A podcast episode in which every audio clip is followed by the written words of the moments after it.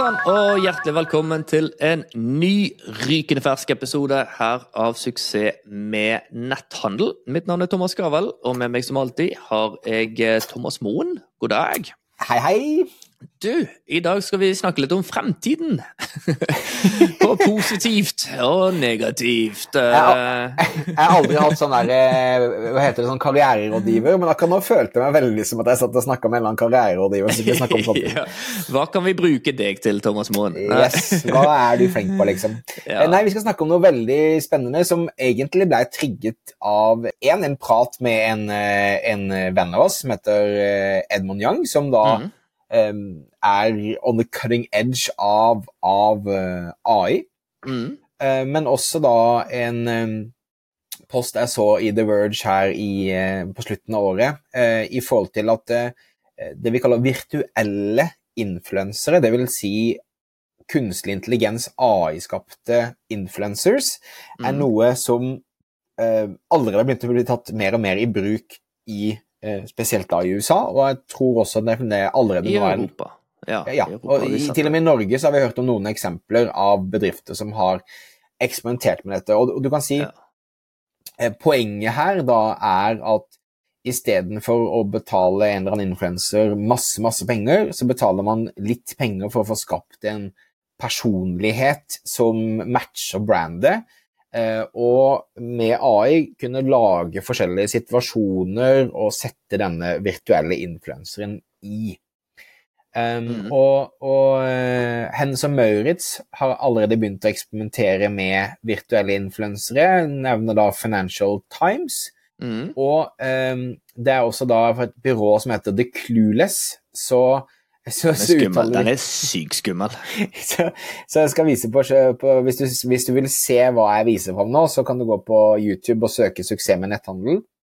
Um, men de har rett og slett lagd et eget byrå som har spesialisert seg på å lage at De kaller seg et AI Modeling Agency, og de lager da eh, modeller, altså influensere, for deg basert på hva du måtte ønske. Og så Mm. kan du hire deres modeller og bruke i all eh, kommunikasjon. Og det, det ser jo skremmende eh, bra ut. Mm. Og også da har vi snakket om vår venn eh, Ed. Eh, hvis du går på, på Instagram og finner Amara North eh, Vi linker oss i shownotes, og du kan også se dette igjen på YouTube- på YouTube-videoen. Eh, men han har laget sin egen fake influencer som gir ut musikk på Spotify, og som poser både på bilder og på eh, videoer. Eh, og det er spennende å se liksom hans utvikling av denne personen. Mm. Um, og det er noen bilder som ser sånn ganske fake ut, og så er det noen som ser veldig realistiske ut, og stort sett så ser denne AI-influenseren lik ut i nesten alle bilder. Så Og det er, Det er det som er forskjellen. Eh, som er jo fremdeles utfordringen. Hvis du er en liten nettbutikk i dag og tenker at dette høres spennende ut, så er det eh, per dags dato ikke sånn rett frem at du bare kan gå ut og, og lage din egen eh, versjon. Eh, litt av utfordringen med å AI-generere bilder, da, eh, som du gjør da enkelt med å gå inn på Dali 3, som du da kan gjøre gjennom f.eks. Open eller ChatGPT, så har du òg dette som heter Midjourney.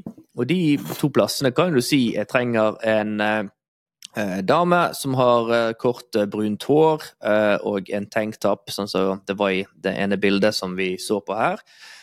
Og så vil du få det.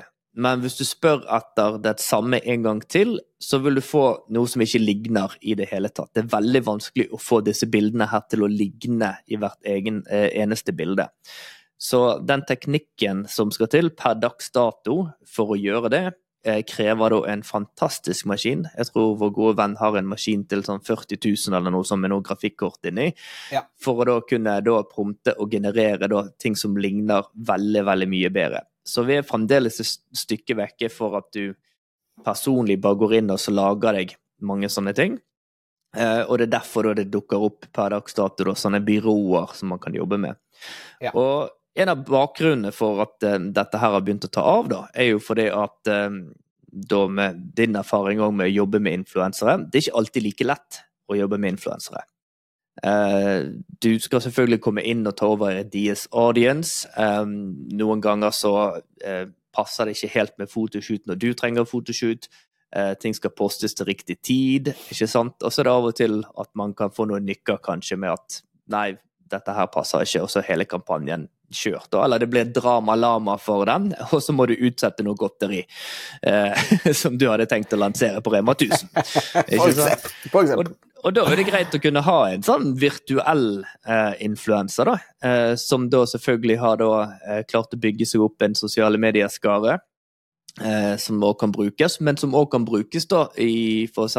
intern marked, ikke intern markedsføring, men gjerne markedsføring som du har i en kundeavis eller i en reklamekampanje, eller litt sånn forskjellige ting som du har utenom. ikke sant? Ja, så du kan si Verdien her er jo Altså, eh, Vi kaller det influenser fordi de ofte har en viss følgebase, men det bare å ha den samme personligheten som kan dukke opp på forskjellige bilder, sånn som vi viser et eksempel nå der denne fake AI-modellen er på eh, skitur i Hemsedal. Mm. Det å kunne lage eh, konsekvent bildemateriale av samme type modell uten å måtte fly folk inn på et fjell og kle på de masse klær osv., er veldig kostnadsbesparende.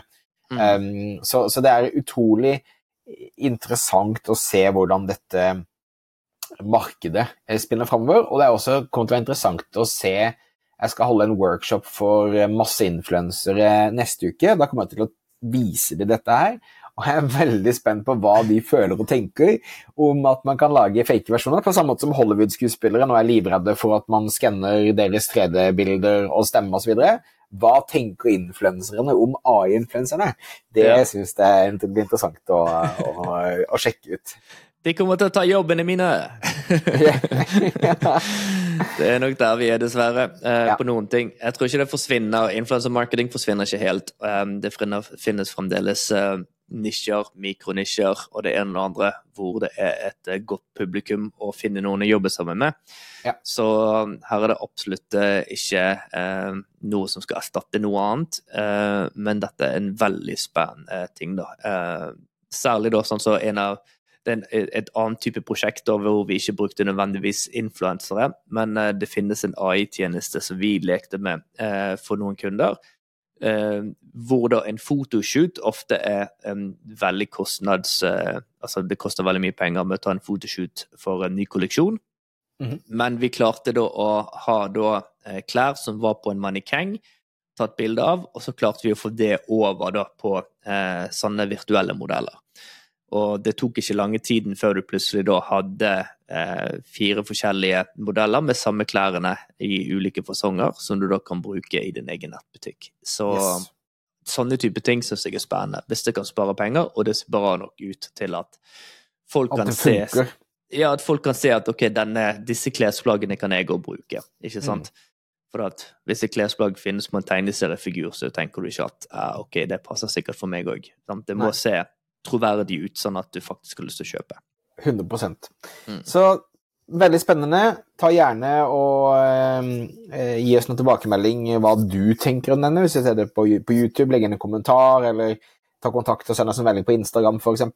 AI og netthandel er absolutt på en måte helt i startgropen av alle muligheter, og vi kommer selvfølgelig til å oppdatere dere når det er eh, relevante ting rundt, eh, rundt AI. Vi kan også nevne og linke i Shownotes vi har en egen podkast som heter oppdatert.ai, som bare handler om AI. Mm. Eh, men du som er interessert i, i, netthandel, eh, kan selvfølgelig bare abonnere og følge med her. Og vi kommer til å eh, ta fram caser, snakke om muligheter, snakke om utfordringer, eh, som når de dukker opp. Så eh, følg med, husk å abonnere, kom gjerne med feedback, og så høres igjen neste uke.